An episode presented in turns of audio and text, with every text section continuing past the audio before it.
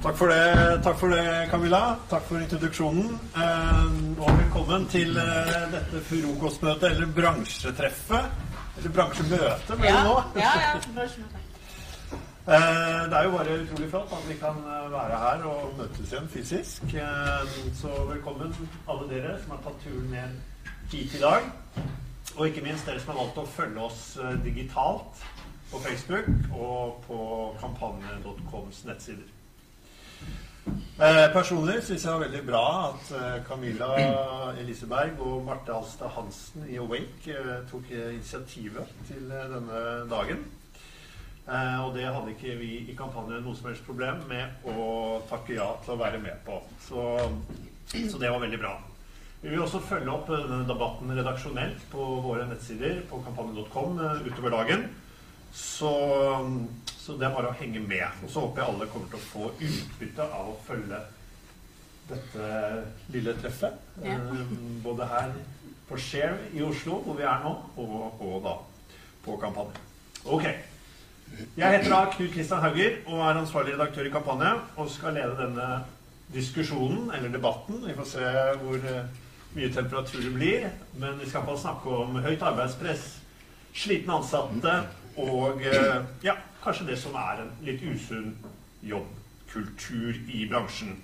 Og så kommer vi helt sikkert innom også litt av det som handler om pitcheprosesser. Og kanskje også ansatte som rømmer byråbransjen eh, på vei til å finne andre, andre steder i kommunikasjonsbransjen. Um, ja. Jeg er så sliten at jeg skjelver, kunne Camilla Elise Berg fortelle at hun fikk høre fra en bransjekollega. Og dermed skrev eh, lederen av eh, Awake, byrået Awake, eh, et innlegg om slitne venner i mediebransjen, reklamebransjen og designbransjen. Og da var sirkuset i gang. Her var det helt åpenbart noe som traff, og det så vi også på lesertallene på kampanjen. Så til å diskutere dette her i dag, eh, så har vi samlet et panel eh, bestående av eh, fra min venstre side Therese Bekke fra Pol, Camilla Kim Kielland fra Morgenstern, Knut Farendorf fra rådgivningsselskapet Elect. Dere har også Amfo på eiersiden, så du får være litt sånn annonsør i dag. Jeg skal gjøre det. Henrik Sandberg fra rekrutteringsselskapet Teft, og da Camilla fra Awake, som jeg har nevnt. Velkommen til dere også. Takk for at dere stiller opp. Ja, som jeg sa, Camilla. Eh, det begynte med deg, så vi får starte med deg her i dag også. Ja. eh, hvorfor skrev du dette første innlegget om slitne kommunikasjoner? Jo, nei, altså jeg var egentlig ehm, hadde fått veldig mye tilbakemeldinger fra eh, venner og bransjekollegaer eh, om at de var veldig sliten. Eh, og det var ikke noe nytt det, for det er jo noe jeg har hørt i veldig mange år. eh, og var, hadde egentlig fått litt sånn nok av å høre om det. Så det var egentlig eh, inspirert av det, og skrev jo det innlegget på vei til jobb. Um, og da Det var flere tanker som slo meg. For jeg ble også En ting er sånn eh, at, det her, er på, at det her er en vanlig ting i bransjen, men jeg ble også veldig sånn fascinert. Hva er det med bransjen som gjør at folk er så lojale, at de blir så lenge når de eh, virkelig ikke har det kanskje så bra, da. Eh, så det var mange tanker som, som slo meg på det. Og så tenkte jeg at nå må jeg si noe. Eh, fordi jeg er opptatt av bærekraft, og det er ikke bærekraftig. liksom. Og bare for å ta det, nå har vi jo vært gjennom et par år med hjemmekontor, lockdown, det kan jo gå på helsa løs, mm. bare det også. Men bare for å rydde det unna veien eh, Det var ikke et koronaproblem, dette. Dette er noe du Ja. hadde opplevd og erfart i lengre tid enn Ja, altså det her har jeg hørt om eh, siden jeg sjøl starta i, i, i Eller så jeg kommer jo fra mediebransjen, da. Men, eh, så det er ikke noe nytt. Det er ikke noe problem som oppsto under pandemien. Det ble kanskje mer tydelig under pandemien. Eh, men, eh, men eh, ja, det, jeg har jo hørt historier som jeg kanskje Som jeg syns har vært ganske drøye, da. om folk som har jobba 500 overtidstimer i, i, løpet av et år, eller kanskje opp mot 600. Eh, og eh, ja, et forventningspress da, som, som, er ganske høyt. Så eh, ja. ja. Og bare for å fjerne den også, eh, så har vi stilt spørsmålet. Det er ikke sånn at dere er redde for å jobbe i byråbransjen? Nei, jeg, jeg, mener jo at det går an til å jobbe i byråbransjen og faktisk gjøre, eh, ja, ha, gjøre, det på en god måte, da. Eh, nå er jo vi Awake WakeV et lite, lite byrå så, og starta eh, ja, eh, ganske nylig. Så vi har, jo, vi har, jo, muligheten til å forme hvordan vi har lyst til å jobbe da. Men ja. Ja, For mange vil jo tenke det er jo ikke noe verre i en reklameverden i en medieverden enn det er i for Nei. sykepleiere og andre. det er sant. Men uh, uansett, uh, vi må jo begynne der vi er uh, sjøl. Uh, og tilbakemeldingen har jo vært at dette er et problem i mange bransjer. Så ikke det er tvil om det. Men det jeg syns er litt fascinerende med denne bransjen, er jo det at det er denne dynamikken da, som jeg syns er interessant. Eh, fordi det er veldig mange mennesker som ønsker å gjøre en skikkelig god jobb. Det er jo kjempebra. Men hva er det som gjør at man, man har lyst til å bli i et byrå der du sliter deg veldig mye ut? da? Eh, og da er det jo sikkert mange teorier på det, men vi, det er jo en sosial bransje, og det er veldig mange masse positive ting med å være med i den. Så ja. Det var jo mange som kastet seg på debatten og skrev innlegg på kampanje.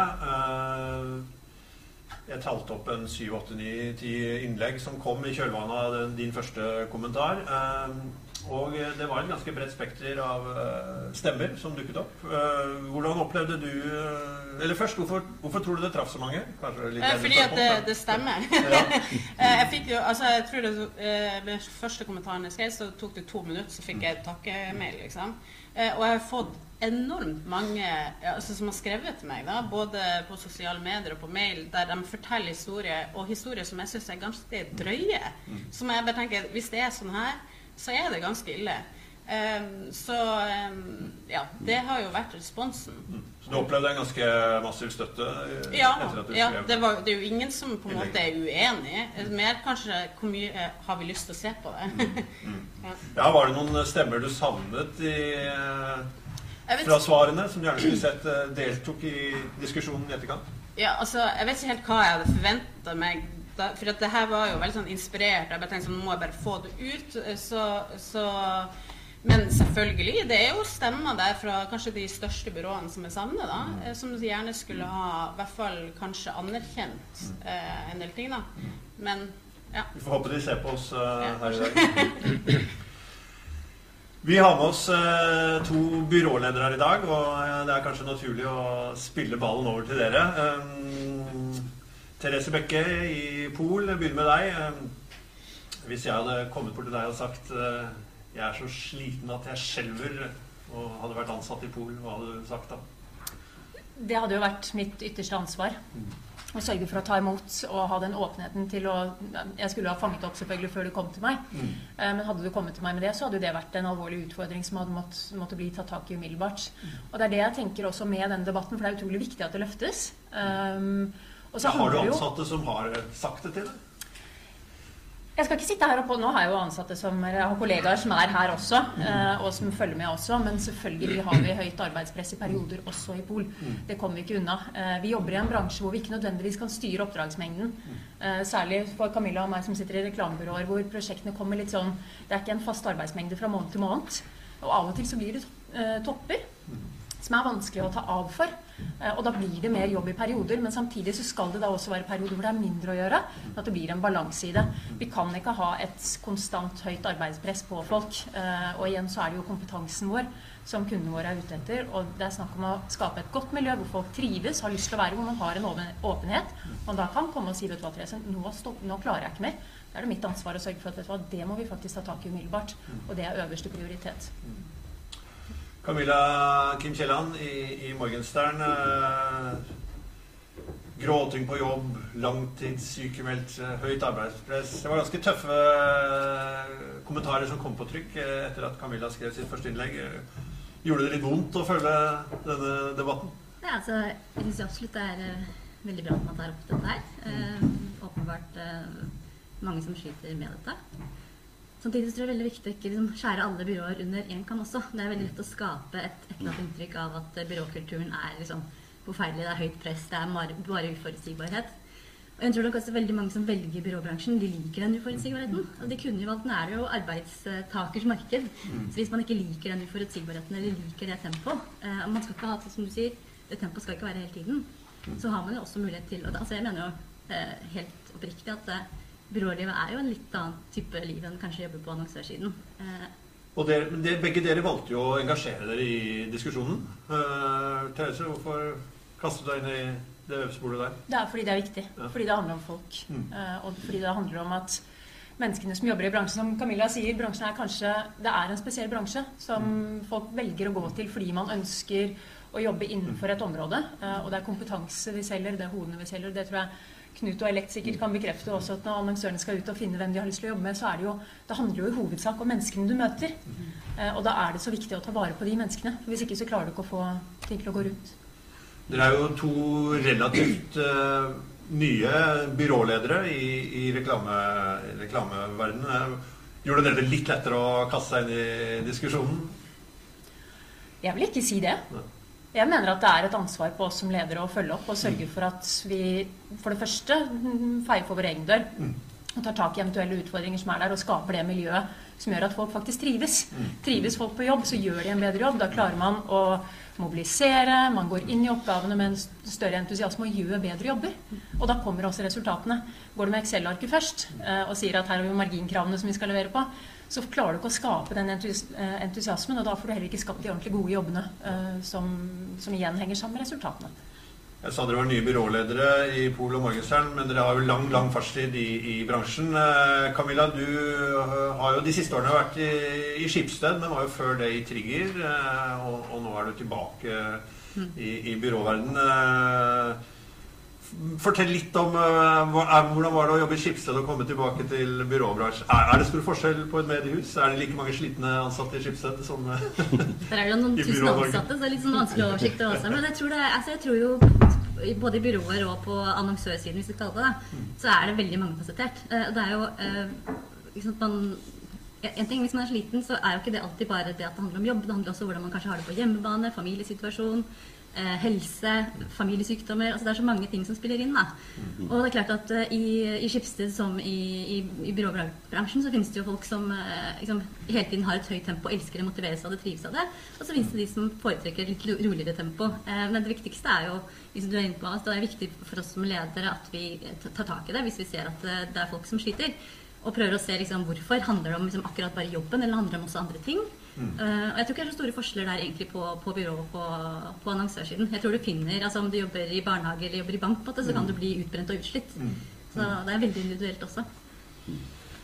En av de som kastet seg på i debatten, var eh, kommunikasjonsrådgiver Ina Susanne Karlsen fra Fellesforbundet, eh, som forsøker å organisere denne byråbransjen. Eh, hun skrev jo bl.a. at eh, vi må endre arbeidskulturen i bransjen. Vet ikke, Camilla, har vi et kulturproblem i Byrå-Norge? Ja, altså Med de eh, tilbakemeldingene jeg har fått, så vil jeg jo si det. Um, og så tenker jeg ja, det, jeg synes jeg er enig med Camilla at man skal ikke skjære alle over en kam. Eh, men vi må jo anerkjenne at det er et problem når det er så mange som Det er ikke, det er ikke greit å jobbe eh, 500 overtidstimer i løpet av et år. Det kan man ikke si. Eh, og så skjønner jeg godt at eh, de fleste som har valgt eh, byråbransjen, har jo valgt det fordi at det er spennende og det er utfordringer og sånt. Men det er jo det å finne balansen. Og jeg tror at man kan finne gode verktøy da, som gjør at man kan eh, jobbe litt smartere eh, og plukke opp eh, sånne ting før. For de som kanskje ikke kjenner uh, byråbransjen sånn dypt, dypt, dypt, når er det disse toppene kommer? Når er det man kommer disse sene kveldene hvor man jobber og sprenger arbeidskapasiteten? Er jo historisk sett litt sesongbasert. Det er mye som skal ut til de store sesongene som handler om jul, det handler om påske. Eh, Men så blir jo de toppene De endrer seg jo litt. Eh, Og de har jo også endret seg de siste årene. Det har blitt eh, en ketsjup-effekt når man plutselig kan åpne litt igjen. Ja. Og jeg tror vi alle som jobber i byråer og representerer byråer og bransjen generelt, kjente jo på dette her inn mot jul også. Jeg tror det siste kvartalet var ganske tøft for veldig mange. Men er det blitt flere av disse toppene? Jeg vil nok si at det har blitt flere av dem. Mm. fordi at de kommer på ulike tidspunkter. Og så er det jo selvfølgelig Nå har jo jeg jobbet i mediebyrå i veldig mange år. Der har det vært mye mer opp mot de typiske salgsperiodene eller de mm, eh, sesongene som, hvor alle skal ut samtidig. Eh, I reklamebyråer så er det litt annerledes. Vi jobber også med mer langsiktige prosjekter eh, og har en, eh, kanskje en litt annen tilnærming til det. Men samtidig så er vi ikke Det er ikke forutsigbart. Vi kan ikke forutse de toppene. For Brifene kommer på ulike tidspunkter. Beslutningene kommer på ulike tidspunkter. Plutselig må, må man gå en ekstra runde, og så legger produksjonene seg oppå hverandre. Og det er vanskelig å ta unna for. Og hvordan er det man eh, belønner ansatte da, som eh, er igjennom noen sånne perioder? Er det overtid, eller er det som vi leste, fancy middager og klapp på skulderen etter en eh, intens arbeidsperiode? Jeg tror ikke fancy middager kompenserer for alt. Nei. Men erfaringsmessig når folk har det fint på jobb og trives sammen og står i ting sammen, og at man ikke føler at du står i det prosjektet alene og at det står og faller på deg, og at du har noen i ryggen, eh, og at du har fleksibiliteten. Eh, Når du har jobbet i perioder, så kan du også ta noen dager av. Eh, Du kan ta en langhelg, du kan ta en ferie. Eh, Kanskje kan man gå ut og ta en middag eller dra på kok og ta badstue. Altså et eller annet bare for å kjenne at du kan komme deg ned igjen, og at du kan feire litt at du er ferdig med det. Så er det, Jeg tror det er viktigere enn at man skal få betalt overtidstime for overtidstime, for det klarer ikke å motivere lengden. I hvert fall ikke på ambisiøse mennesker. Men er det gode nok systemer i byråbransjen eh, på de områdene? Altså overtid, at det føres timer, at man vet hvor lenge de hver enkelt ansatt har jobbet? Det er nok ganske individuelt, vil jeg Ja. si. Ja. Og så er det jo, jeg tenker at det, det, jeg tror nettopp den der friheten og fleksibiliteten som du er inne på, Therese, tror jeg er også en av grunnene til at veldig mange liker å jobbe i byrå. I hvert fall noen byråer som har den fleksibiliteten. Nettopp det at du ikke liksom har micromanagement, eller liksom mm. hvis du tar ferie i julen, så må du skrive opp de dagene, eller må ta en langhelg, så må du ta feriedag. Altså, det er noe med at du skal gi, du skal få, da. Så er det folk som stopper ekstra i perioder hvor det er mye, og syns det er greit. Så selvfølgelig skal man også kunne ta det, som du sier, roligere i andre perioder, da. Men så er det en ting jeg tenker at som ikke Altså, egentlig har vært men bare for å ta det, så det er litt sånn Da går vi og spiser etterpå, og så er alt bra. Nei, men, eh, jeg tror også at Man snakker om disse toppene og bunnene. Og jeg mener også at eh, Jeg vet ikke om jeg er helt enig at toppene kanskje er kommet, at det er blitt flere av dem. Jeg tror det varierer også fra byrå til byrå hva- slags type kundeportefølje du har. Og Hvis du har på en måte flere solide, trygge kunder som tenker langsiktig, så er det også de du prioriterer. Og da er det også mye lettere å si nei til småprosjekter som kommer inn. Det er ikke sånn at vi er forpliktet til å ta alt som kommer inn til oss, og må si ja til alt alle. Er jo, for, altså, det beste er at man kan være i en posisjon hvor man nettopp har mulighet til å kunne prioritere de eksisterende langsiktige kundene. Og, eh, og da blir det også mer forutsigbart. Og nå er du inne på noe som også ble trukket frem i diskusjonen, eh, dette her med pitching. Eh, som jo er en form for byråkonkurranse der man kjemper om nye oppdrag i konkurranse med andre byråer. Som er med på å gjøre arbeidsdagen eh, enda litt tøffere. Da dette kanskje skjer på kveldstid i tillegg til alt det andre man skal gjøre. Eller hvordan er det? Nei, det, er- altså det, det er jo ikke sånn at alt pitcharbeid bare skjer på natterstid og kveldstid. Det må jo selvfølgelig trafikkeres på lik linje med annet arbeid. Men det er klart spesielt rett før noe skal leveres inn.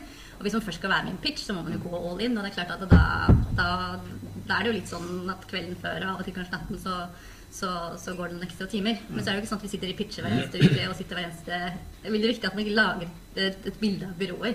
At man sitter hver eneste liksom, kveld og helg og bare jobber med pitcher. For sånn er det ikke. Men det er utrolig viktig at eh, når man bestemmer seg for å gå inn i det, så må du se det eh, opp mot alt annet du har å gjøre. Og igjen, liksom, det å prioritere de eksisterende kundene er jo kjempeviktig. Um, og så tror jeg mange får liksom, energi av å være en pitcher, men det må være på de riktige forutsetningene. Eh, det Men det kan være med å skape en sånn topp. Definitivt. Altså, og ikke minst når du liksom også vinner en kunde. Det er jo ingenting som er så Det er jo en grunn at jeg synes at skal være tilbake i byråbransjen, er jo den følelsen at når du får en også ny kunde liksom, du virkelig virkelig har ønsket deg. da. Sånn som den siste vi fikk, som var VG. Så den stemningen det skaper både i teamet og i, i byrået, er jo kjempe, kjempegøy. Ja. Så Og øh, det var også noen som var innom, øh, før vi slipper til øh, de to andre i panelet her, at det er blitt en litt sånn øh, tøffere kultur, litt vanskeligere å si nei. Jeg vet ikke om det var du som var inne på det, Therese, men at det er litt mer sånn fryktkultur i, i bransjen. Øh, Er det Jeg vil vel ikke kalle det for fryktkultur, men jeg tror, og dette handler ikke nødvendigvis bare om pandemi, det har forsterket det bitte lite grann, men det skal ikke være noe unnskyldning eh, på noe som helst vis, men vi har blitt veldig, veldig tilgjengelige de siste årene. Eh, Da jeg begynte i bransjen for 100 år siden, så var det jo ikke Du var ikke på mobilen på kvelden, for du hadde ikke mail på mobilen engang. Eh, altså, da var det når du gikk fra jobb, så var du ferdig med jobb. Sånn er det jo ikke lenger. Nå får du gjerne meldinger på Slack, på Messenger, på mail, på SMS. Altså, du er tilgjengelig i alle ulike kanaler. Og så er det litt vanskelig å skru av. Eh, og nå har vi ikke kommet helt til tiltakene ennå, men jeg tror at det er jo en av de tingene som gjør at folk faktisk kan klare å senke skuldrene litt. Og ikke oppleve det konstante presset at du ikke alltid må være tilgjengelig. At du ikke alltid føler at du må svare på den siste Slack-meldingen som kom på kvelden. Fordi den faktisk kan vente til dagen etter og skape en kultur for at du kan skru på den snusknappen, og så skrur du den på igjen når du kommer på kontoret neste dag. For jeg tror det er med å skape uh, et unødvendig press. Always on. Always on. Og der handler det om forventningsstyring. Knut eh, Farendorf eh, jobber i Elect. Eh, rådgir eh, kunder eh, i disse byråkonkurransene, disse pitcheprosessene. Men du har også erfaring fra annonsørsiden. Du har jobbet med byråer sikkert Mange år. i mange år. Ja. Ja. Kjenner du igjen eh, disse beskrivelsene som vi har hørt om? Jeg kjenner jo det igjen at det er vanskelig å forutse når pitchene kommer. Um, det, ligger ikke, det ligger ikke en kalender for hva som skal skje når år hos de forskjellige annonsører. Så det, det kommer jo plutselig, og det må man jo som byråleder velge om man har lyst til å delta i, Mm. for det første. Uh, og for det andre er det jo, er det jo plikten til annonsøren å legge opp et, uh, en prosess som både er forutsi, så forutsigbar som den kan være, Mm. transparent, og så må man jo eh, be om eh, et rimelig ressurspådrag fra, fra byråene. Mm. Ja, nettopp. Og De har vist er vanskelig å få til. eh, hvilken av delene? Dette med å få kompensert eh, Det, nei, for det første så er det jo en del byråledere som sier ja til noe de ikke skulle ha sagt ja til mm. i forhold til å gå inn i prosesser. Mm. Byråer som blir puster lettet opp når de får vite at de ikke får kunden. Mm. Fordi vi hadde jo egentlig ikke tid til det. Mm. Fordi eh, medarbeiderne har jo for mye å gjøre allerede. Mm. Uh, og så er det jo annonsører som ber om for mye. Mm.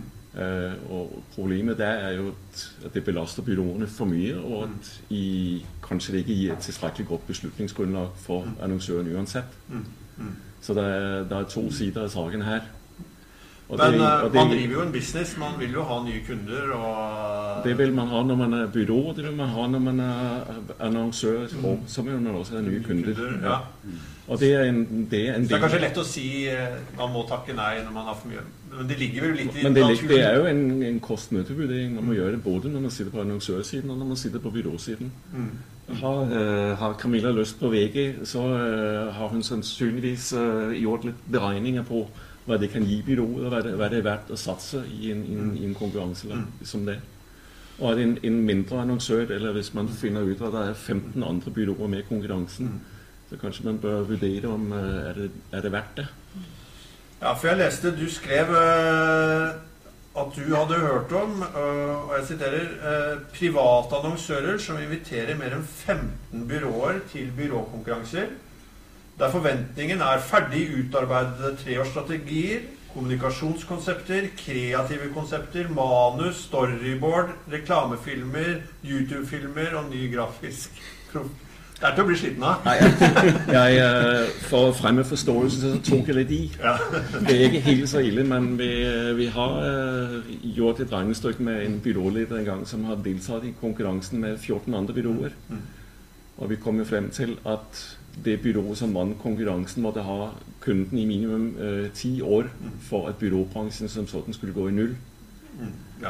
Og det, Det er ikke er, bærekraftig. det er ikke bærekraftig, og, men samtidig så lurer jeg også på hvorfor eh, gikk de 15 byråer med i konkurransen. Når de visste på forhånd at årlig byråinntekt var eh, De visste beløpet, de visste hvor mange som var med, og de visste hva som måtte, hva, det- hva at prosessen ville kreve. Så, Ja, Camilla, er det så enkelt? Dere må bare lære dere å si nei. Nei, men jeg tror det er utrolig viktig at man eh, vurderer eh, veldig nøye hvilke pitcher det er man skal gå inn i. Eh, og så er det jo noe med det- er jo flere faktorer som spiller inn. Det handler om hvor mye som skal leveres i et case. Det handler om hvor mange andre som er med. Det handler om hvorvidt man tror man faktisk er riktig bra. For det finnes jo også de som på en måte skal prøve litt forskjellige ting. Og så vet de Eh, også for å se kanskje det er noe spennende her. Men så har de kanskje egentlig allerede uten at jeg klarer det selv, bestemt seg for hva slags type byrå de skal ha. Så det å være veldig liksom, ærlig og transparent for, for, på det fra begynnelsen. Da. Og liksom ikke invitere inn kandidater som faktisk ikke er reelle. Bare fordi det er litt spennende å se hva de kan tilby. Eh, og så er det det der med det, eventuelt å betale for det. Eh, og det trenger jo ikke Det er ikke sånn at eh, jeg mener at hver eneste pitch skal være betalt, overhodet ikke, men det må ses opp mot altså, du kan ikke både be om kjempemasse, invitere inn mange og ikke betale noen ting, og i tillegg kanskje ha en liten konto. Så det er jo alle disse faktorene som må veies opp mot hverandre i hver sammenheng. Da. Så hvis det ligger en forventning eller et krav om at deler av en sånn eh, arbeidsinnsats i en pitch eh, skal kompenseres, så vil kanskje også annonsørene begrense seg litt i forhold til antall byråer man inviterer inn. Det kan det også, også være. Ja, eh, Therese. pitching en del av problemet, men ikke hele Nei, det er ikke hele utfordringen, men det er jo et godt poeng i form av at som, eh, som byrå, når du blir invitert inn i en pitch, så tenker du sånn Yes!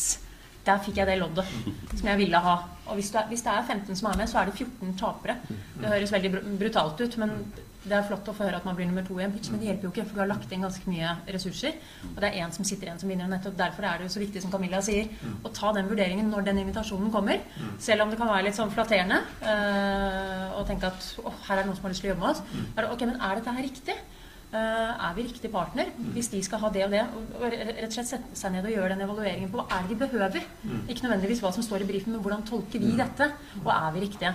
Er vi riktig, Og det er klart, med en konto som VG som alle har lyst til å jobbe med, så skal det litt til å si nei til den.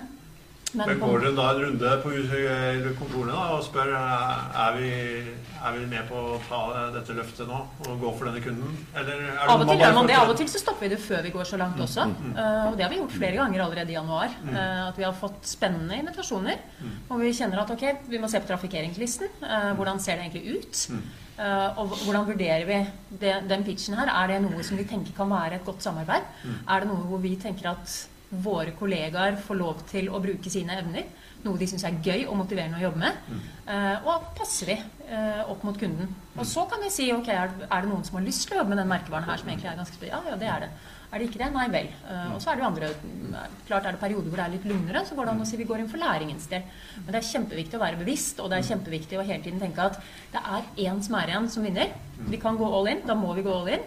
Eh, Men vi kan også takke nei eh, og være ærlige. Og min opplevelse de gangene vi har sagt at tusen takk for invitasjonen, men dette passer ikke i forhold til premissene eller kapasiteten, i forhold til folka våre, så får vi takk tilbake og eh, takk for ærligheten. Som vi får tilbake. Knut, i og med at eh, det ble nevnt, og jeg tok det opp eh, kanskje litt uklart i stad, men altså dette med at eh, byråene skal få kompensert for, for innsatsen de gjør i disse pitchene. Det er jo noe vi har hørt om lenge, men det virker ikke som det helt får det store gehøret hos annonsørene. Hvorfor gjør det ikke det? Både og. Og igjen, det kommer an på det ressurspådrag man ber om. Hva man ber om i en pitch. Altså, hvis du ber om denne skrekkeksempelet som, hvor jeg overdrev ganske mye, så eh, er det jo rimelig å få en, en kompensasjon. Men ellers så tenker jeg at det er jo en, en del av det å være med og få nye kunder. Det er du får i alle bransjer. Eh, men igjen, man må, man må bli bedt om å levere noe som, er, som tilsvarer det, den mulige oppsiden som ligger der. Mm, mm. Henrik du har jobbet i mange år med å produsere frem eh, kandidater til ulike jobber i, Og sånn måte å si det på. i norske byråer. eh, og kjenner godt til eh, arbeidsmarkedet. Eh, hva tenker du om eh, det som har blitt sagt, eh, og som har kommet frem i denne debatten? Eh, er det så ille som eh, man kan få inntrykk av? Jeg tror det varierer veldig, eh, som Camilla er inne på. Jeg tror det varierer fra byrå til byrå. Eh, så tror jeg kanskje at eh, Sett fra vårt ståsted så tror jeg kanskje jeg vil si at de siste to årene hvor man gikk inn i en pandemi andre kvartal 2020 eh, kanskje har vært med på å forsterke bildet noe, hvis man zoomer ut. Fordi jeg tror det var mange byråer som opplevde en usikkerhet, eh, mista noen kunder, jobba med bransjer som var hardt eh, truffet, og dermed blir også opptatt av å ikke permittere. Og så strekker man seg litt lenger. I tillegg så tror jeg man ser at de siste par årenes digitalisering har gjort oss ganske mye mer effektive. Mm. Eh, og da er det lett å kanskje tenke at, at det kan bidra til å, å forsterke følelsen av å, av å jobbe mer. Eh, og kanskje også sitte litt aleine. Mm. Men jeg tror det varierer veldig. Og så eh, har jeg lyst til å si at jeg tror Når jeg hører på det som, som eh, snakkes om her, så har jeg lyst til å si at det, det hviler jo et ansvar på de, de toneangivende miljøene i bransjen Mm. til å faktisk gå ut og snakke høyt om dette her. Eh, og eh, ja, i større grad legge forholdene til rette da, for at dette er en bransje som tiltrekker seg folk, når situasjonen er at flere og flere søker seg bort. Ja, for møter dere i Teft mange ansatte som vil vekk fra bransjen? Ja, Vi møter i hvert fall eh, ansatte som kanskje tenker at det å jobbe på premissgiversiden av bordet virker forlokkende. Også kan ja, Der hvor man legger eh, beslutningene, legger premisser for samarbeid eller for det som skal, skal gjøres av kommunikasjonsutvikling da, på den ene eller andre fronten, det virker jo fristende for mange.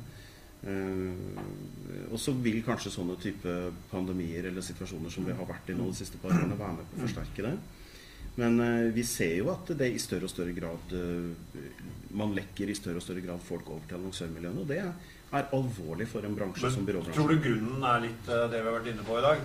Dette med at man blir sliten da, og opplever høyt arbeidspress, uforutsigbare? Uforutsigbarheten, ja, den tror jeg kan være en stor grunn til, til det. Så det tror jeg man bør ta tak i. Mm.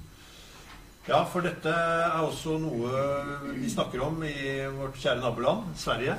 Eh, der har vår søsteravis Resumé skrevet om eh, talentflukten i noen artikler nå. Mm. som handler om at eh, folk eh, forsvinner fra byråene og, og over eh, til andre steder i bransjen. Eh, og dere har vel også gjort noen målinger på det i Teft, eh, Henrik?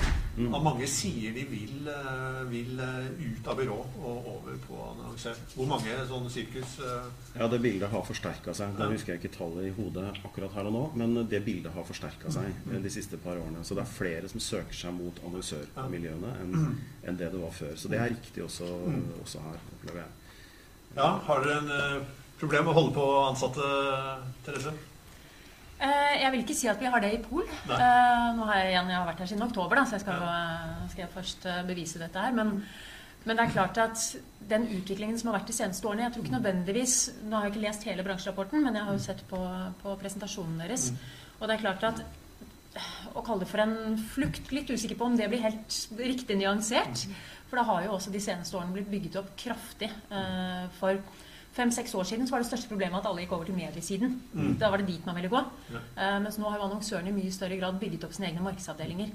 Og spesielt uh, digital kompetanse, performance-kompetanse, er det jo veldig veldig etterspurt hos annonsørene. Så det er jo egentlig et litt nytt marked, eller et utvidet marked, da, for, uh, for de samme hodene som vår bransje også går etter. Jeg har lyst til å si at det som er, det som kanskje har skjedd de siste årene, det er jo at de forskjellene som handlet om lønn, har blitt utligna. Nå tjener man det samme på begge sider av bordet, for å bruke det begrepet. Eh, Det andre er jo at der man tidligere annonsørene har hentet igjen byråene? De har hentet igjen byråene, for de lå under lønnsmessig for noen år siden, og det har uh, utligna seg. Så nå er, nå er det ikke forskjeller. Man kan eh, bryte det ned og finne enkeltforskjeller, men i det store og det hele så er det ikke noe særlig forskjeller å snakke om.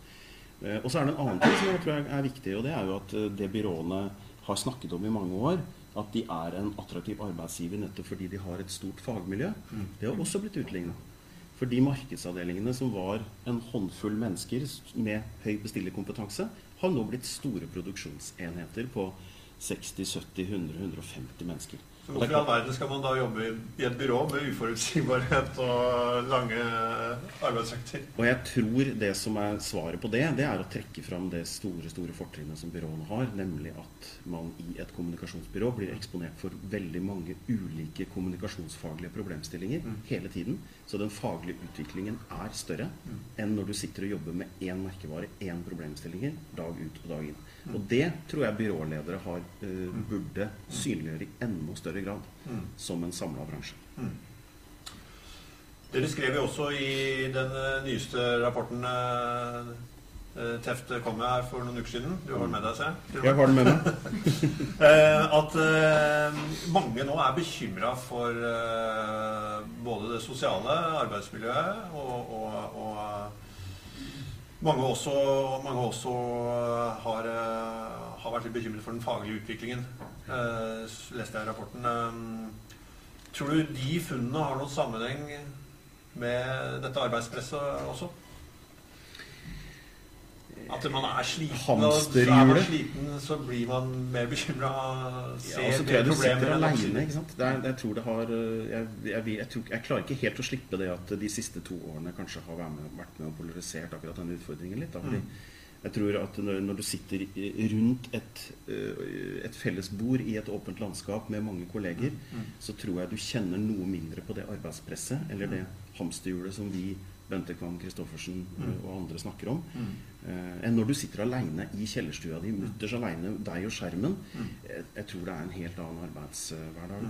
Men jeg tror det å, å ta vare på den teamfølelsen, det tror jeg er eh, sammen med det å synliggjøre eh, synliggjøre hvor faglig interessant det er å jobbe i byrå, så tror jeg det å dyrke det teamsamarbeidet, det tror jeg også er en av nøklene til at folk føler tilhørighet.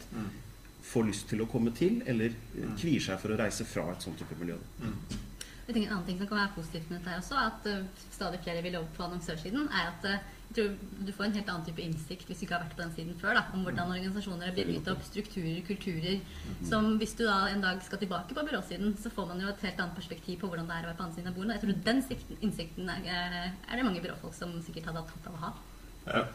Tror også det gjør noe med eh, bestillerkompetansen. Eh, og mange av de byrålederne vi har snakket om, eller snakket med, når man adresserer eller man diskuterer frykten for at eh, oppgaver forsvinner fra byrå over i markedsavdelinger, opplever jo at i praksis så får man kanskje mer å gjøre på kjernebusinessen sin. Konseptutvikling eller strategi eller, eh, eller hva det nå er. Fordi man får en bedre bevissthet på kundesiden. Akkurat som du sier. Så jeg tror det kan være noen fordeler. Men vil du si det har blitt litt mindre attraktivt å jobbe i byrå i dag enn det var for fem-ti år siden? Eh, Nei, jeg tror jo ikke det.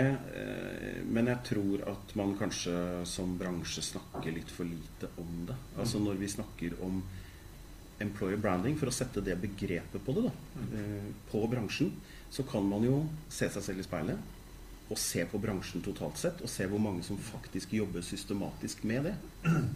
Det er ikke så veldig mange. Og det tror jeg byrålederne bør være flinke til eh, individuelt og som samla gruppe. Du var inne på det, Camilla. Du må ikke skape et bilde av det å jobbe i byrå som å sitte oppe og spise pizza og ha sene kvelder og drikke cola. Dere er jo gode på å lage stereotypier i reklamebransjen. Eh, burde kanskje spisset kommunikasjonen litt, endret eh, kommunikasjonen litt eh, med tanke på å fremstå som litt mer attraktivt. Men jeg bare tenkte på en ting. Eh, er det også et generasjonsproblem her? Eh, eller en generasjonsutfordring? Eh, vet ikke, Camilla? Tidligere vil man kanskje var det litt tøft, jobbe hardt til du stupte, nærmest. Mens det i dag kanskje blir sett på som nesten litt harry å, ha en sånn type innstilling. Eh, ja, det tror jeg absolutt. Og jeg tror at de som kommer etter oss igjen, vil ha et annet fokus på hva som er suksess. da. At eh, det å eh, ha eh, Hva er det du, du bruker tida di til? Hvilken impact gjør du? Eh, så det, det tenker jeg at hvis ikke man som byrå eller bedrift generelt begynner å tenke på det, så faller du utfor. Fordi det vil komme nye typer byrå eller by, nye liksom selskapet da, som har det i kjernevirksomheten sin, som kommer inn. Eh, og da vil jeg, jeg tror at de nye talentene vil søke seg mot det istedenfor. Der folk har et mer større bevissthet rundt sitt sosiale ansvar. Fordi en ting er jo, Jeg er jo helt enig i det som blir sagt her nå, men når man hører om folk som blir pressa tilbake eh, for det om de er i sykemelding, eh, som kommer tilbake og blir, føler seg ned, eh, eh, nedprioritert i oppgaver. Altså Man hører masse sånn eh, ukultur da. Eh, og så mener jeg jo selvfølgelig Det her gjelder jo ikke alle, men det, det gjelder bransjen. Eh, og ikke bare denne bransjen. Selvfølgelig ikke. Men det er jo de tilbakemeldingene jeg har fått, da. Eh, og så skal man vite det som leder at når man driver denne, hvis man skal si rovdriften da, på sine ansatte, så må man skjønne det at det har en, det har en, en påvirkning på samfunnet. Det er ikke en, en egen greie. De menneskene drar hjem. Eh, og, og, ja, selvfølgelig, det er ikke bare jobb som, som, gjør at folk blir sliten, men vi bruker veldig mye tid på jobb. Eh, så det påvirker de menneskene som du bor sammen med, det påvirker de barna som ikke blir sett, som drar videre på skolen. Det har en samfunnseffekt, og det må vi begynne å tenke på. Fordi at vi må ha ressurser til å møte det vi står overfor i samfunnet. Og det mener jeg at alle sammen må begynne, begynne å se litt større på det og heve litt blikket på akkurat det. Og jeg tror at de som kommer eh, etter oss, generasjon Z, de kommer til å ha det fokuset. Eh, og de kommer til å kreve det av sine eh, arbeidsgivere. Eh, og om, om fem-ti år, hvis du ikke har implementert det som et mindset internt, så sorry, da tror jeg ikke du er så interessant. altså. Skal vi la byrålederne svare på den? Ja. ja jeg er jo eh, i høyeste grad enig, og vi har jo fulgt den utviklingen underveis også. Og ser jo at den nye generasjonen som kommer nå, eh, er jo mye mer bevisst på egne verdier. De stiller helt andre krav i intervjuer og i, i rekrutteringsprosesser. Og er veldig tydelige på hva de behøver.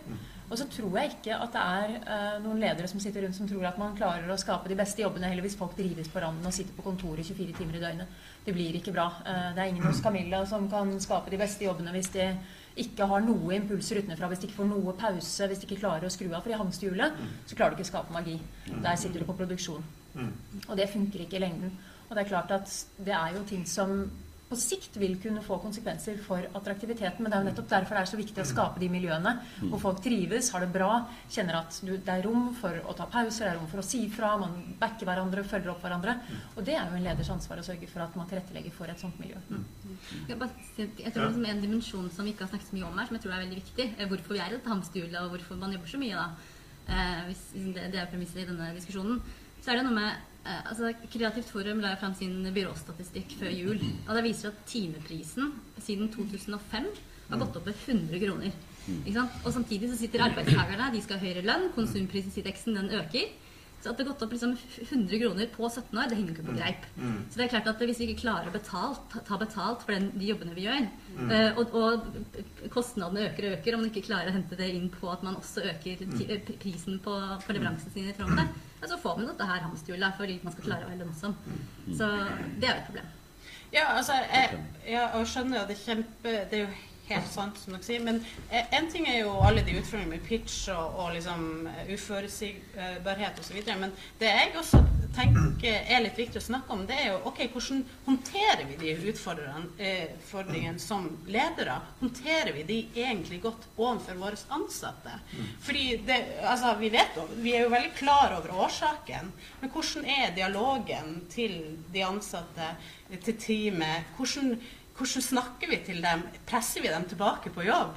Og så syns jeg jo ja, det er kjempebra for Camilla og Therese som har stilt opp her i dag. Og da, jeg, eh, da savner jeg jo litt de store byråene, eller sånn De som kanskje burde være her, da. Som, eh, som eh, ja, burde kanskje se mer på seg sjøl, da.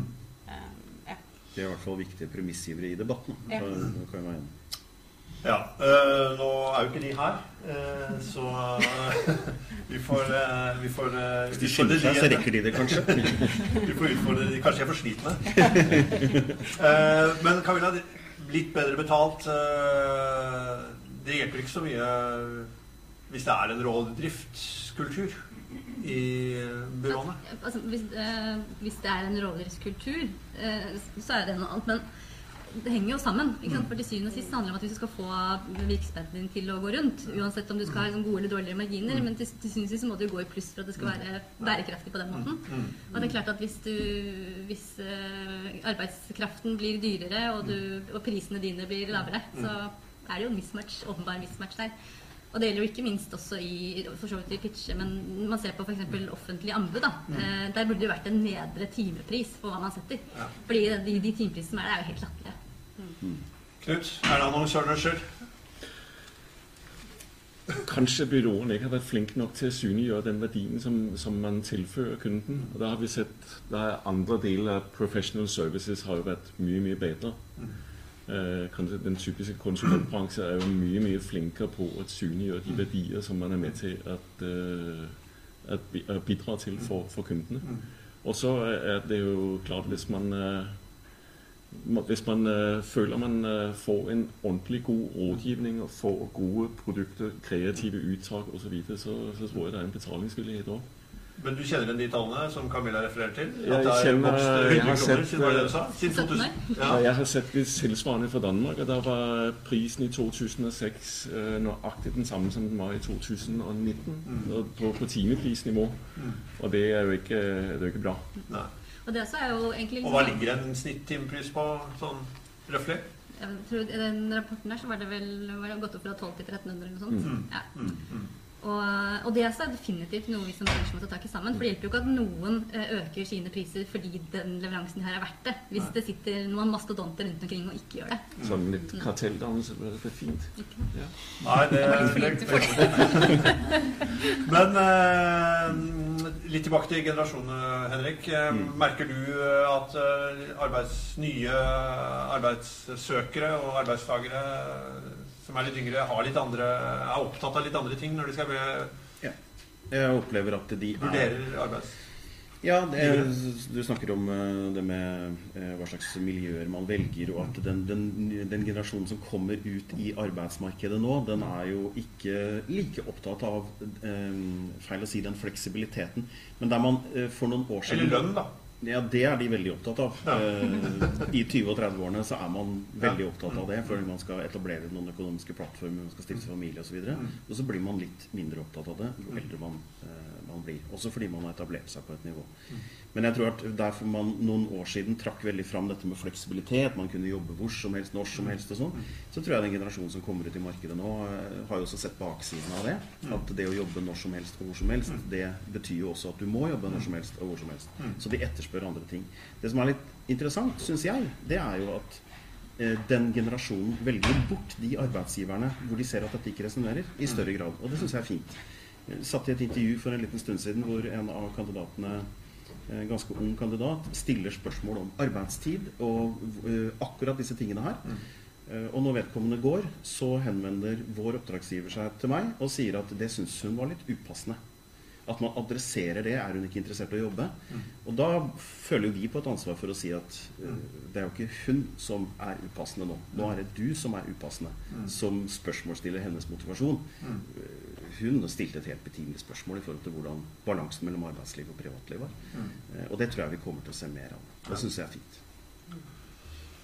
Vi skal også åpne for noen spørsmål fra salen. Eh, Så hvis det er noen som har lyst til å stille et spørsmål, så, så er det rom for det. Jeg har bare lyst til å ta en liten runde før vi går inn mot landing. eh, Litt på, på noen konkrete tiltak vi kan se for oss eh, eh, kan hjelpe, hjelpe på situasjonen.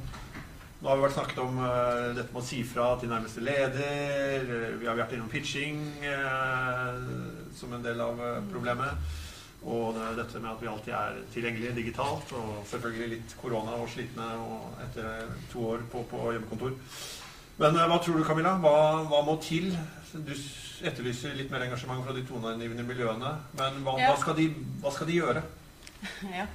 Nei, altså eh, Først er det jo det å se og anerkjenne og kanskje granske seg sjøl litt bedre, da.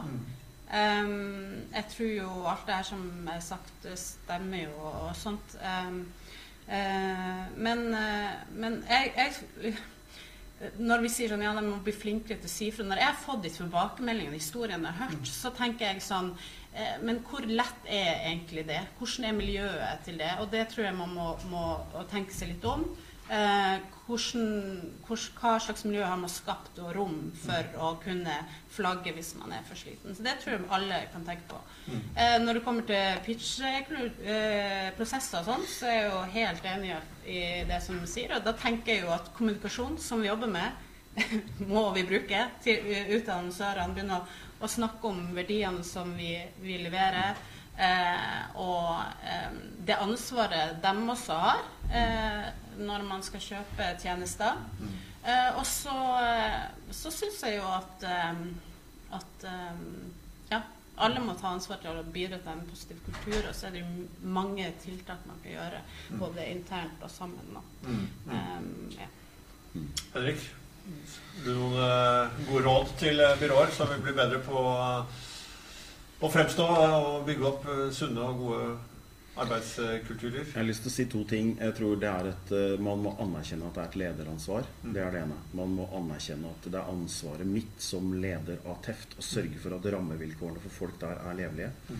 For du merker det ikke før folk begynner å slutte, og da er det for seint. Eh, og det må, det må man forstå og, og legge forholdene godt til rette, og ikke skyve det over på kunder eller andre steder. Det er ditt ansvar som byråleder å ordne det. Det er det ene. Det andre jeg har lyst til å si, er jo at jeg tror at en samla byråbransje eh, Og dette er litt sånn eh, det er jeg litt opptatt av, fordi en samla byråbransje er Norges beste på historiefortelling. Men på egne vegne så er man veldig dårlige på å fortelle historien om hvordan det er å jobbe hos oss, eller hvordan miljøet er på innsida. Man dyrker nyansettelser, og man dyrker kundewins. Men man snakker veldig lite om hvordan er miljøet hos oss. Hva er det vi gjør? Hvordan er livet under panseret hos disse byråene? Og Det er jo det som arbeidstakerne egentlig er på jakt etter. Og jeg tror at det kan være med på å bremse den trenden vi ser en tendens til nå. At arbeidstakerne søker seg mot eh, markedsavdelinger i større grad. Det kan være med å bremse det hvis byråene blir flinkere på å fortelle den historien. Reklamebyråene må bli bedre på å lage reklame om seg selv. De gjør jo ikke det. De tror jo ikke på, på det. Uh, nei, det er litt fleipete sagt, men jeg tror det ligger et stort potensial der i å ta det eh, Kall det employer branding, da, men å, å ta det på Ta litt egenmedisin på det. Knut, eh, kunne man sett for seg at annonsører fant en eller annen metrics på å måle indre bærekraft i en samarbeidspartner? Sosial bærekraft. Og det kunne blitt et kriterium når man skal velge, velge en samarbeidspartner. Det ville jo satt fart på sakene. Det er jo et øh, det er jo et spørsmål som flere annonsører har til byråen når man sitter i pitchet. Det er jo hvordan, øh, hvordan er det dere tar vare på, på folkene deres. Når man frem for å, være en, øh, en ordentlig innkjøper av tjenester. Og det er jo på mange forskjellige måter. Det kan være alt fra øh, det kan være for øh, mangfold, det kan være likestilling. Det, det, er, jo, det er jo spørsmål som, som kommer opp i dag, som, som vi, eller på vegne av annonsørene, øh, spør byråene om. Og ber om byråene om å forklare Ja. hvordan er, hvordan er det de jobber med det. Mm. Så, så det, det skjer. Ja. Nei, men da lurer jeg liksom på hvordan eh, svares det på det, og hvordan Altså, det er jo lett da å si sånn Nei, men her har vi alt på stell. Øh, Det byråene ofte svarer, det er bla, bla, bla. Ja, ikke sant? Eh, For fordi det, det er jo ikke- egentlig en copy-paste man kan ta fra, fra de Men, men det er jo poenget til Henrik. Så det handler det om å er dokumentere et eller annet. Ja, dokumentere, men ha, viser man har en holdning til det. Og viser hvordan man egentlig jobber, hvordan, eh, hvordan man opptrer som arbeidsgiver. Og det er byråene dessverre ikke så veldig flinke på. Camilla? Ennå. Har mange oppgaver som. Venter. Det er kanskje ikke det dine ansatte vil høre når du kommer hjem nå. Enda mer. Begynne å lage god reklame for oss selv og dokumentere hvordan man kan hvordan man eh, jobber, da. Ja, men jeg tror det er em, definitivt liksom handler om kultur. Og nå snakker vi veldig mye om bransjekultur, som jeg av og til syns blir eh, veldig veldig bredt. Igjen. Det finnes inn, Innenfor denne bransjekulturen så finnes det jo hundrevis av kulturer innenfor de ulike byråene. Og jeg tenker jo at hvis det er byråer som behandler folk på den måten som du beskriver, eh, så vil de jo uansett tape, det, tape på det fordi man altså, Da bør man jo flytte på seg, enten til et annet byrå eller på annonsørsiden. Og, eh, så jeg tenker at eh, forhåpentligvis så vil det det vil være den straffen eller konsekvensen av at man blir behandlet sånn. da. Eh, så, så det er jo noe med definitivt liksom den kulturen eh, at man har denne psykologiske tryggheten både mellom ansatte, men ikke minst mellom ledelse og leder og ansatte. Så at man har det rommet til å kunne si ifra. For det er jo, altså, Vi er jo ikke guder byråledere heller. Vi klarer jo ikke lese om det skjer masse ting på hjemmebane. I hvert fall ikke nå som det har vært hjemmekontor. Så er det mye press fra andre kanter i tillegg. Så er, liksom, man kan si det er De ansatte kan ikke si ifra, men det er klart av og til så er vi nødt til det. Det er helt umulig for oss å se liksom, hvert eneste individ som ligger bak hver eneste dag.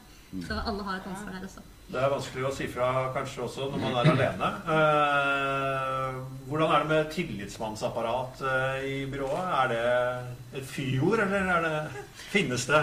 Nei, det finnes jo. Man skal jo ha en ansattrepresentant i et selskap over en viss størrelse. Men organisering Altså Igjen så tror jeg det er veldig individuelt. Uh, jeg må jo si da jeg kom inn det, det er lov å organisere seg? Det er absolutt lov å organisere seg. Ja. Det er jo en frihet alle har til å gjøre. Men det er jo få som gjør det Det i byråbransjen foreløpig. Så kan vi jo se om det eventuelt endrer seg, basert på at man blir mye mer bevisst på sine egne rettigheter. Og en del av de tingene som du sier om Camilla, er jo rene lovbrudd. Så det er klart at det er jo kritisk. Uh, Og sånn skal man jo på ingen måte ha det. Så tror jeg fortsatt på, som Camilla også sier, det handler om altså Bransjekultur blir så bredt, og det er så mange ulike måter å lede på, mange ulike kopier som ligger til grunn for måten man styrer på. Men igjen så handler det om å være bevisst hva slags miljø er det man ønsker at, øh, å ha som arbeidsgiver. Da jeg kom inn til Polet i oktober, så var jeg, jeg ble forelsket i det sekundet jeg gikk over dørstokken. For det er en helt flat struktur. Folk sier ifra, gir beskjed. øh, for meg som kommer inn og sier at kom til meg og gi beskjed om dere er slitne. Så kan jeg jo godt håpe at alle gjør det, men det vil alltid være noen som ikke har lyst til å gjøre det også. Men da, er det, da skal det være en kultur hvor folk går og klapper hverandre på skulderen og sier vet du hva, jeg ser at du er litt sliten, Therese. La oss ta fem minutter. Uh, nå må du ta tak i dette her. Og så er det mitt ansvar å ta tak i det. Eh, men det er som Camilla sier, du kan ikke fange opp alt. Men da må du ha en kultur hvor folk kjenner at ja. jeg støtter min kollega. Så jeg går og sier ifra. Og da er det mitt mm, fordømte ansvar å ta tak i det og sørge for at det blir løst. Ellers hjelper det jo ikke. Er det noen i salen som eh, brenner inne med noen spørsmål? Så reis gjerne en liten hånd i været. Ja, der har vi en. Eh, ja, det ble jo nevnt at man velger jo bransjen det er, som er. Og det er jo samme i Forsvaret. Men det er jo ytterste konsekvens at du kan bli skutt. Men eh, det er det rette tiltak om plass å forhindrer det. Og Det er satt litt på spissen, men dette eksisterer jo ikke i vår bransje. Eh, når det gjelder å forhindre at folk skal bli utslitt og hjelpe de som først blir det. Så tenker jeg at Miljøsertifisering det var jo superpop for seks-syv år siden i form av miljøfyrtårnsertifikat. Og mange kunder krever jo også det i dag. Så kan vi da utvikle en felles sertifisering i vår bransje når det gjelder da arbeidspress og psykisk helse. En felles standard. En slags sånn mental helsesertifikat. Det vil jo da hjelpe byrået med å ta bedre valg eh, og ta bedre vare på alle i bransjen. Og det er også være med å skape ro i en bransje som har mye storm i seg. Det vil være attraktivt for eksisterende og nye ansatte å vite at byrået tar vare på deg. Og for kunder så vil det være godt å vite at de samarbeider med et sunt byrå, og det kan også være med på å forsvare en høyere timespris. Ja. Hvis ikke det ble godt opp, eh, oppfattet for seerne hjemme, så bare gjentar jeg veldig kort. Eh, Det ble etterlyst en form for miljøsertifisering. eh, Et, nærmest et mentalt helsesertifikat i, i byråbransjen. eh, Og at det også kunne ha en del positive effekter i forhold til eh, å synliggjøre verdiene man skaper som byrå, også for, mot annonsørene. Hva tenker dere om noe, noe slikt nå? Jeg vet ikke om det fins, men øh, eh, uansett. Det stilles jo krav i dag på ISO-sertifisering, miljøsertifisering og mye annet. Vi sitter og dokumenterer alt vi har av finansielle resultater og, og mye av de tingene som er enkelt å analysere. Men jeg syns jo det er et veldig godt forslag. Og er veldig åpen for det. Jeg syns det skal være synlig, og det skal stilles krav. Eh, Og så kan man stille krav andre veien igjen også. Som da tilsier at du, dette, er det som, dette er det du faktisk eh, koster, men det er det du får. Eh, Så for all del. Ja. Gjerne. Bra innspill. Noe å ta med seg til dine kunder, Knut? Eh, At det kunne vært et kriterium man eh, Ja, eller i tok med seg inn i en pitch? Om det er kriterier, det er i hvert fall med, eh, viktig at byråene har en holdning til det. Og Mm. jeg tenker at det kan, det kan annonsøren også etterspørre. Mm, mm, mm. Og det kan jo, hvis man skal være litt eh, løsningsorientert Kunne det vært noe Elect hadde eh, Kunne det vært en plakat Elect hadde laget, som man som byrå forholdt seg til Ja. når man ble med i pitchen? Dette er noe vi lever opp til. Et godt innspill, i hvert fall. Da var det to hender til. Da tar vi der på Ina Susanne Karlsen fra Ja. Fellesforbundet. Ja. Eh, til den forrige kommentaren. Det er jo i utgangspunktet det man har med organisering. Tariffavtaler. Hvis man har tariffavtaler på bedriften, så har man jo da også tillitsvalgte. I utgangspunktet har man ikke det før det. Og eh, det er jo mesteparten sånn det er i dag. Men eh, det er jo et sånt type svanemerke. Det er jo at man faktisk passe på at eh, alle har det bra på arbeidsplassen. At man jevner ut litt den maktbalansen. Og at eh, man har en person man kan gå til hvis man trenger det. Det var bare en replikk der om at det var eh, nærmest eh, eh, det som ligger i å være fagorganisert. At man kan få en sånn type form for eh, stempel, svanemerke, eh, på at man jobber med disse tingene. Var det et spørsmål til deg? Nei, det var også en kommentar. Siv Solfjell i Spun. Um, og vi er organisert, har en tariffavtale. Det er på plass der. Men vi har jo i tillegg arbeidsmiljøloven, som gjelder for vår bransje også, og som regulerer bl.a. overtid. Da. Og det er ikke lov å at folk jobber 500 timer i hvert fall, men heller ikke mer overtid enn 40 timer i uka uten å få kompensasjon for det. Mm. Og i vår bransje så har det vært sånn at vi har kanskje brukt den muligheten med frie stillinger i altfor stor grad. Mm. For det er ikke sånn at halve byrået eller to tredjedeler av byrået har frie stillinger etter lovens intensjon. Mm. Så tenker vi kan begynne med å følge arbeidsmiljøloven, så kan vi få organiseringen etter hvert. Så løser det seg. Ja, Noen som vil kommentere på det? Følges arbeidsmiljøloven i byråbransjen? For å snakke på egne vegne. Ja, det håper jeg da egentlig. Mm. Det vil jeg virkelig tro. Det er jo, de, de fleste sitter jo og fører timene sine. Mm. Eh, Og det er jo nettopp for at man skal kunne rapportere og ettergå Mm. hvis det skulle være behov for det. 37,5 timer uker. Jeg tenker at eh, jeg er veldig enig i det du sier. fordi det, Vi har jo arbeidsmiljøloven. Og jeg tror at man kan sikkert lage noen stempler og sertifikater og den type ting. Men det er ikke, altså, hvis man fra før av ikke følger arbeidsmiljøloven, så hjelper det ikke å legge, lage et vakkert stempel på toppen av det. Nei. Så, Camilla, noen ja. kommentarer til det som har kommet frem i forhold til tiltak? Ser Jo. du eh, lys i tunnelen? Eh, Lys i tunnel, ja, det gjør jeg ofte. Eh, Nei, men eh, selvfølgelig, vi må jo følge arbeidsmiljøloven. Eh, Men jeg tenker en bevisstgjøring også som en sertifisering. eh, Det handler om å løfte det fram, og eh, ja, så skal vi ikke grønnvaske, hvis det kaller Vi kan trekke det så langt. Eh, Men, eh, men ja, jeg tror at vi må, må begynne å, å se på eh, sånne typer til, eh, tiltak som Helge sier. Og så eh, må vi kommunisere mye bedre. Eh, og så håper jeg jo at vi kan ikke stoppe her i dag med, med det her møtet, men at vi kan eh, komme med flere innspill eh, og kommentarer. Og ja, gjerne ta kontakt med meg hvis det er noen som har eh, flere gode ideer. Eh, så er jeg veldig med på å finne ut av det. Jeg tror vi skal sette strek der og runde av. Eh, Vi kunne sikkert holdt det gående litt lenger, men det er jo mye igjen av arbeidsdagen, så vi kan jo ikke slite oss helt ut her heller. Eh, Men jeg håper i hvert fall at dere som har vært her med oss på Share, og dere som har sett på sendingen eh, hjemme eh, eller på jobb, har fått utbytte av dette. Og takke igjen eh, Awake for å ta initiativ til dette bransjemøtet. Ja. Eh, og så får vi prøve å finne litt energi i at samfunnet åpnes igjen. Eh, jeg så på eh, min Facebook-konto at det satt folk og skålte i champagne på trikken ned til byen klokken åtte i morges. Så jeg tydelig at det er noen som virkelig har funnet motivasjon og glede i, i at ting kanskje blir litt lysere enn eh, nå. Men uansett, debatten har vært viktig, og vi skal heller ikke gi oss helt, for det kommer to stykker fra Ja. et selskap som heter WeMe. Ja, Lin, Linda og Espen Mm. de skal ha litt for å Jeg tenker eh, ende med en, en litt sånn positiv vibe. Eh, så skal eh, Linda og Espen fra WeMe holde et litt innlegg om eh, indre bærekraft og værkraft. De er et teknologiselskap som Mm. jobber med det. Så det tror jeg blir superinteressant. Vi skal bare ha lite sånn sceneskifte her. Da blir det et Eh, så- lite sendeskifte. Vi fortsetter streamen hvis dere vil eh, følge med videre. Det kommer til å ta en ti minutter eh, til, det siste foredraget, så, så heng med. Og så gjenstår det bare for meg å takke panelet. Camilla, Henrik, Knut, Camilla igjen. Therese, tusen takk. Takk for at dere fulgte med på kamban.com, og takk til dere som var her i salen i dag. Jeg heter Knut Kristian Hauger, og takk for meg.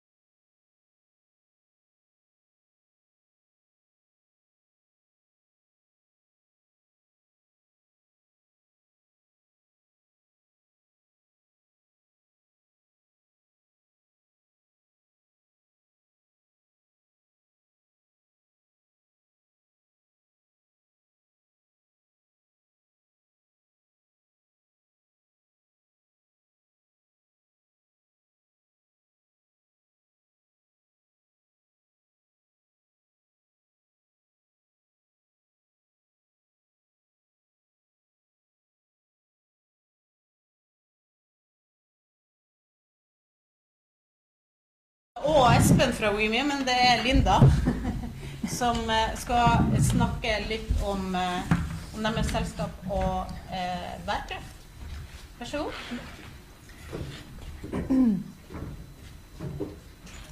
Da fikk jeg beskjed om at jeg hadde 20 minutter, og så plutselig så hadde jeg 10. så det var litt sånn ops. Um, veldig hyggelig å være her, og takk for en veldig fin uh, debatt. Veldig spennende å høre på. Uh, spesielt siden jeg har litt byråerfaring selv.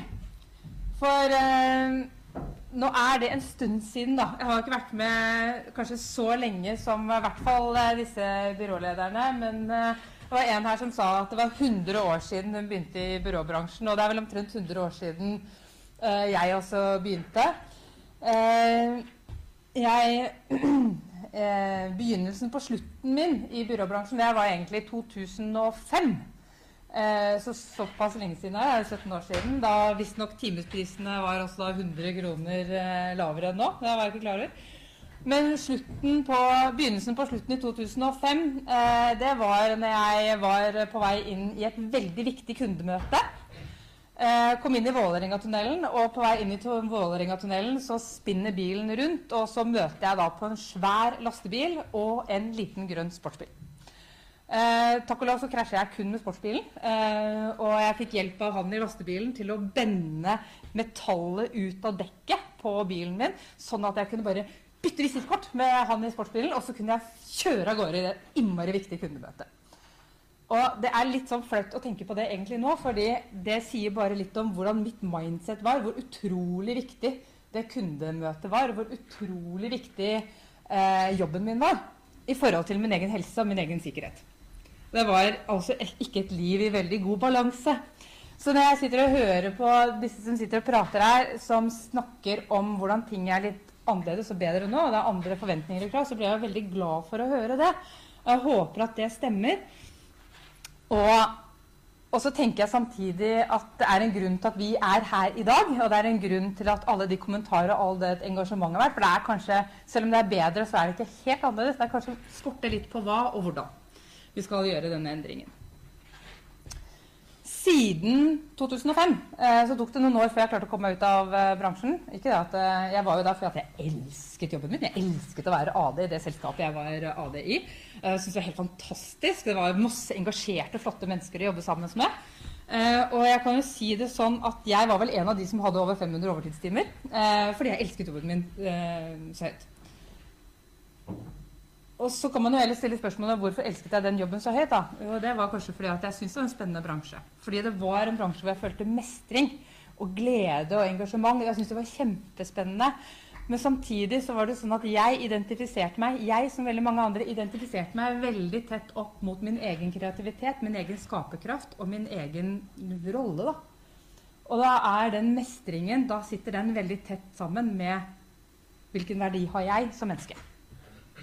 Og når du har den koblingen der, når du knytter deg så tett opp, identifiserer deg så mye med jobben din og din egen skaperkraft, så blir du også ganske sårbar overfor mm, bytte, skifte, endring, men også kritikk.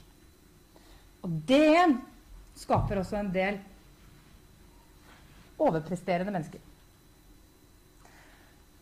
Så når jeg eh, gikk ut av denne bransjen, så ble jeg veldig nysgjerrig på hvorfor er jeg som jeg er? Hvorfor gjør jeg som jeg gjør? Uh, og hvorfor er den jobben så innmari viktig for meg at jeg utsetter min egen helse og sikkerhet for jobben min? Jeg uh, endte opp inn i et selvutviklingsløp som igjen tenkte at dette her var jo så utrolig spennende. Så jeg endte opp med å jobbe med dette her, og har da siden 2008 jobbet sikkert sett på innsiden av over, godt over 1000 menneskers hode, altså tanker, følelser, drømmer, frykter, som NLP-trener og NLP-coach. Um, ehm, nå er jeg jo her i dag fordi jeg er medgründer i det selskapet her. Med meg så har jeg jo Espen som sitter her oppe. Han har jo lang og god bransjeerfaring selv. Jeg har med meg Rune. Jeg har med meg Gjøril, som er en av våre nært betrodde rådgivere. Og hjemme så sitter Jan. Eh, Vi er gründerne bak, eh, bak WeMe. Og vi ønsker å jobbe med akkurat hvordan vi Hva er det vi skal gjøre, og hvordan skal vi gjøre det når vi skal integrere mental og fysisk helse i arbeidslivet. For det er jo der vi tilbringer mye tid. Så nå driver vi og utvikler teknologi for å få det til, sånn at dere kan ha et eh, hjelpemiddel. Men det kan jeg jo si litt mer om senere. Jeg har jo da med meg liksom noen snakkenotater, men når jeg sitter og hører på dere, så har jeg jo de skriblet all over de notatene, så det er jo nesten uleselig. Men jeg tenkte at eh, vi har hørt så mye nå om hvilke endringer som må skje på virksomhetsnivå. Vi har hørt om en bransje med stress og med press og med, med pitchekultur, og vi har hørt om alt dette her. Og, og så vet vi jo det at i denne bransjen så er det jo da veldig engasjerte, ambisiøse og kanskje jeg vet ikke om dere kjenner igjen det, over, overpresterende mennesker. Eh, noen nikker, og noen kjenner igjen. Jeg tenker det er et eh, jeg, tror jeg, jeg tror ikke jeg var alene om å være det. Ehm, og så har det blitt nevnt dette med Arbeidstilsynet og arbeidsmiljøloven. Ehm, så vi har liksom vært gjennom disse, disse, disse tingene her. Og, og da, og da er, vil jeg også bare poengtere at det er din plikt som arbeidsgiver å sørge for at dine medarbeidere har de rette forutsetningene på sin arbeidsplass. Og at det er, som eh, Arbeidsmiljøtilsynet sier, at det er gjerne et, eh, på virksomhetsnivå at problemet ligger hvis du har arbeidsrelatert stress. Sånn er det. Ehm, jeg eh, tenker litt på tiden her, så jeg tenker jeg bare hopper litt over. Og så sier, går over til eh, dette med at vi trenger da den bevisstheten på både virksomhetsnivå eh, Og her eh, syns jeg jo at det er fint når, at Camilla var her. fordi deg hadde jeg liksom lest litt uttalelser fra og hørt litt om. Og jeg syns det var så fint når dere sier at dere sier nei til mange pitcher. Og, og når du sier nei til noe, så sier du ja til noe annet. Og da sier du, og du vil si bevisst ja til de kundene som anerkjenner eh, anerkjenner det arbeidet som ligger bak i pitchkultur. Så får du også en nære relasjon med kunden din. Og da får du det ekstra giret fra medarbeiderne. Når du føler deg verdsatt. Og det er egentlig en ganske sånn parallell prosess med det å jobbe med din indre bærekraft da, og værekraft. Fordi når du sier nei til noe av de ytre påvirkningene, så sier du ja til noe av dine indre premisser. Og da kommer overskuddet. Så det er veldig sånn parallelt overførbart. Fordi dette her er jo et problem på et virksomhetsnivå, og så er det et problem på et individnivå. Eh, individnivået, det er, jo, det er jo hvor er det vi kommer fra? Hvor er det vi, hva er det vi har behov for? Bare tenk på det selv når dere, gjør, når dere har gjort de beste valgene deres, når dere har gjort de beste eh, jobbene, når, det, når kreativiteten blomstrer, når innovasjonen er på, på topp. Hvordan har du det akkurat da? Hva er premissene som ligger til grunn for det? Og så er det jo det vi må sørge for at vi har mer av. Og det er, det er både en strukturjobb på virksomhetsnivå, og så er det en strukturjobb på individnivå. Men hvor mange av oss er det som egentlig er trent i å gjøre den strukturen på individnivå? Hvor mange er det som lærer selvledelse, og som lærer Hva er det som er min drivkraft? Hva er det som tenner gnisten i min motor? Hva er det som er mitt drivstoff? Hva er det som er mitt påfyll? Hvor er det egentlig denne reisen går? Hvem er det som er med på denne reisen? Hva er premissene for at denne livsreisen her skal bli bra? Hvem er det som lærer teknikker og verktøy, og som bruker tid til å ha den bevisstheten du trenger for å nå dit? Hva er grunnen til at jeg reagerer og responderer og reagerer slik og slik i sånne situasjoner? Hvorfor klarer jeg ikke å si nei? Hvorfor sier jeg alltid ja? Eller hva enn det er som er din greie? Og det er det jo veldig få som lærer noe om og kan noe om. Er det noen som gjenkjenner seg i det? Eller er det noen som er født med den manualen fra innsiden? For i så fall så har jeg veldig lyst til å prate med deg. Dette er dette jeg har lært bort til folk i 15 år. Hvordan få til dette her.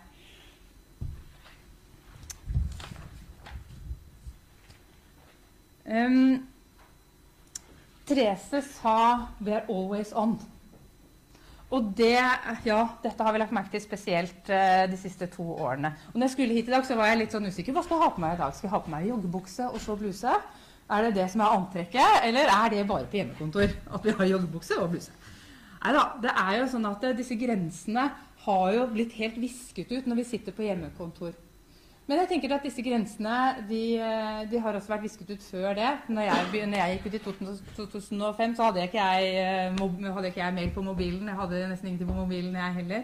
Men det har vi nå. Vi er tilgjengelige hele tiden. Og det er en eh, forventning som ligger der. Det er det.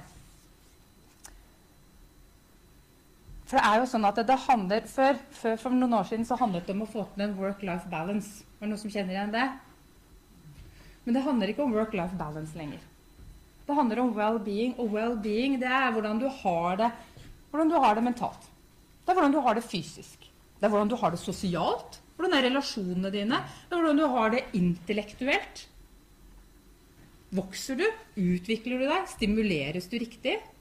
Det handler også om økonomi. Går jeg og bekymrer meg for økonomien min? Eller har jeg bra? Det handler om velvære på så mange plan. Hvordan trives du i jobben din? Hvordan preges du av miljøet du omgir deg i? Det, det er så mange dimensjoner inn i velværet. Og det må hensyntas. For velvære, det er, det velvære og well-being og, og work-life balance altså det, det handler jo om at velvære og well-being det er, din, det er um, forutsetningen for at du skal ha det bra. Det er forutsetningen for at du skal prestere bra på jobb. Og det vet jeg jo for arbeidstakere, så er jo det det viktigste for dere er jo at de ansatte skal prestere bra, slik at dere får de resultatene dere trenger. Sant? Og da er disse premissene helt essensielle. Og så er det da vet vi jo at det er øhm, De aller fleste de har så høyt driftsfokus, de har så høyt salgsfokus, de har så høyt kundefokus at den viktigste ressursen i din bedrift, som er de ansatte Jeg er enig i det. At det er det aller viktigste. For uten de kreative hodene, uten tekstforfatterne, uten alle de som jobber, jobber hos deg, så er det ingenting. Da er du et bygg et uh, kontor. Sant? Men vi har ofte så er det så innmari høyt sånn drift, salg, kunde, resultatfokus at den viktigste ressursen din, den, eh, den blir uh, utelatt. Så kanskje mange sier at ja, vi har gode samtaler, vi har gode, vi har gode rutiner og vi har gode programmer. Men, eh, men hadde de vært gode nok, og hadde det vært integrert nok, og hadde det vært gode nok systemer for dette, så hadde vi ikke hatt denne praten i dag. Sånn er det bare. Da hadde ikke jeg vært her, og da hadde vi ikke hatt den eh, at vi skal ha. Så har jeg fått en sånn klikker, men det har jeg jo helt glemt. Det vi prater om, er jo Nei, hva er det? Det er bærekraft. Og så vil jeg bare presisere det at du må ikke sitte i Lotus for å ha værekraft. Det er ikke sånn det er. Du kan ha bærekraft eh, mens du er ute og løper, eller hvis du sitter i flow når du jobber, men det er alt det som gjør at det er liksom alt det som gjør at som er underliggende for at du presterer og blomstrer. Og, og da blir det liksom spørsmålet hvordan gjør vi dette her, da? Jeg skulle ønske at det fantes noe som gjør et system, et verktøy, en teknikk, et eller annet som jeg kunne bare implementere på jobben. Og så var det enkelt. Og det kommer. Det utvikler vi. Det er det vi jobber med å utvikle nå, noe som du kan bruke. Men jeg tenker før det, og før tiden er helt borte, så tenker jeg at jeg bare kunne si litt om hva du kan gjøre i dag, da. Og da snakker jeg mest til lederen. Jeg snakker mest til lederen. Eh, og da tenker jeg at eh, eh, Det var veldig godt innspill med miljøsertifikat, og det syns jeg var et kjempegodt innspill. Jeg tenker at Det er en del av den tanken som vi har også inn i det vi utvikler. At det å, å kunne jobbe strukturert, systematisert, sette det på agendaen sånn at du som leder kan prioritere å jobbe med de ansatte og vite når, hvem skal jeg ha, ta kontakt med når. Og som, og der, her var det eh, 'Jeg er jo ikke Gud', eh, sa du, Camilla. Du kan ikke se inn. Nei, men hva om du hadde hatt en indikator på at du kunne vite hvem er det som sliter når? Og hvem er det som har det bra? Og en måte å, å, å logge dette på, da. Men til lederen så tenker vi at eh, Jeg så at hun trigger-sjefen Jeg må se på hva hun heter. Bente Kvam Christoffersen. Kanskje noen av dere kjenner henne. Sier at bygg en kultur det, og, der det, og der det å si fra er akseptert. Ja, det er kjempefint. Da kommer vi på kultur. Men hvordan gjør du det, da? Hva er det du skal gjøre for å bygge den kulturen? Hvordan bygger du den kulturen? Og da tenker jeg at Det som er innmari viktig for dere ledere å huske på, er at dere er våre rollemodeller. Dere må gå foran, og så må dere vise vei. Det er kjempeviktig. Jeg hadde, en, eh, jeg hadde en leder som var veldig fin når jeg jobba. Kanskje det er grunnen til at jeg elsket jobben min. Eh, han hadde vært gått i veggen selv. Eh, ikke i Vålerenga-tunnelen, men han hadde gått i en helt annen vegg. Og han fortalte hvordan han, når han gikk og satte seg foran Mac-en, så kastet han opp hver gang. Det var hans tegn på at han var litt sliten. Ikke sant? Og jeg tenker at Han var en veldig fin rollemodell, for han var litt opptatt av å se oss andre. Men, men samtidig så satt han en presedens for hvor mye jobb eh, som på en måte man skulle legge inn. Og det, Så må man huske på det at dere er en rollemodell. Og en kultur bygger du både med det som er uttalt, og det som er etterlevd, eh, et, etterlevd eh, men også det som er opplevd. Så det hjelper ikke å si det at vi har en kultur for, og vi gjør sånn og sånn, hvis ikke den som sitter eh, på medarbeidersiden, opplever at det er sånn. Det er viktig å huske på. Og alle har da behov for å bli sett, hørt og forstått. Og for at du skal tørre å våge å åpne deg, sånn at du blir sett, hørt og forstått, så må du bli møtt med Det må være tid, og det må være rom, og det må være empati. Nå tviler ikke jeg på at Camilla og, og Therese har det. Virker som i hvert fall veldig empatiske mennesker eh, i, i mine øyne. Eh, men, eh, men, det er viktige premisser for å ha en god kommunikasjon. Um, så er det sånn at eh, når du jobber da med sånne høyt ambisiøse, engasjerte, kanskje overpresterende mennesker. Ja-mennesker. Fordi denne jobben er jo så fantastisk gøy, er jo så gøy å skape, så kanskje vi trenger hjelp til å bli satt litt rammer og grenser for. At de utenfor, i stedet for å åpne liksom mulighetsdøra og si 'Er det noen som har lyst til å være med på denne fantastiske muligheten?' For da sier sånne mennesker som jeg 'Ja, kjempekult!' Det er jeg med på. Så av og til så trenger vi noen som sier det at 'La oss sette oss ned og se på hva det er det du har å gjøre'. Og så sette, rett og slett hjelpe oss til å sette, si nei. Og når det er sagt, når du har sånne overpresterende mennesker, så er det ikke alle de som loggfører alle timene sine heller. Spesielt ikke hvis du er redd for at uh, det arbeidet jeg leverer fra meg, ikke representerer mitt beste jeg. Så registrerer du ikke de timene, men du sitter over. Og det å bli sett, og det å bli satt ramme for og si at dette er bra nok, og da kommer vi til det siste poenget mitt, og det er egentlig rett og slett en tydelig kommunikasjon. Det å være involvert, det å gi feedback, passe på at du har en tydelig, klar og god kommunikasjon. Fordi utydelighet, utydelige forventninger, utydelig feedback, utydelige instrukser, det skaper usikkerhet. Og usikkerhet skaper stress. Og stress skaper overpresterende mennesker. Så eh, noen korte tips på veldig kort tid. Uh, og så siste uh, For de som har lyst til å være med og teste ut og forme ut dette verktøyet, sånn at det kan bli et godt verktøy for dere, så har du muligheten til å være med på det. Ta bilde av den, uh, den, der. Og så, så kan vi ta et uforpliktende prat. Og så kanskje vi kan utvikle noe sammen som gir denne bransjen verdi, i tillegg til de andre bransjene som vi jobber med, for dette er ikke et unikt problem for denne bransjen. Det var kort. Det jeg rakk i dag. Takk for meg. Tusen takk. Tusen takk til alle som har eh, kommet hit i dag. Til dem som har sett på.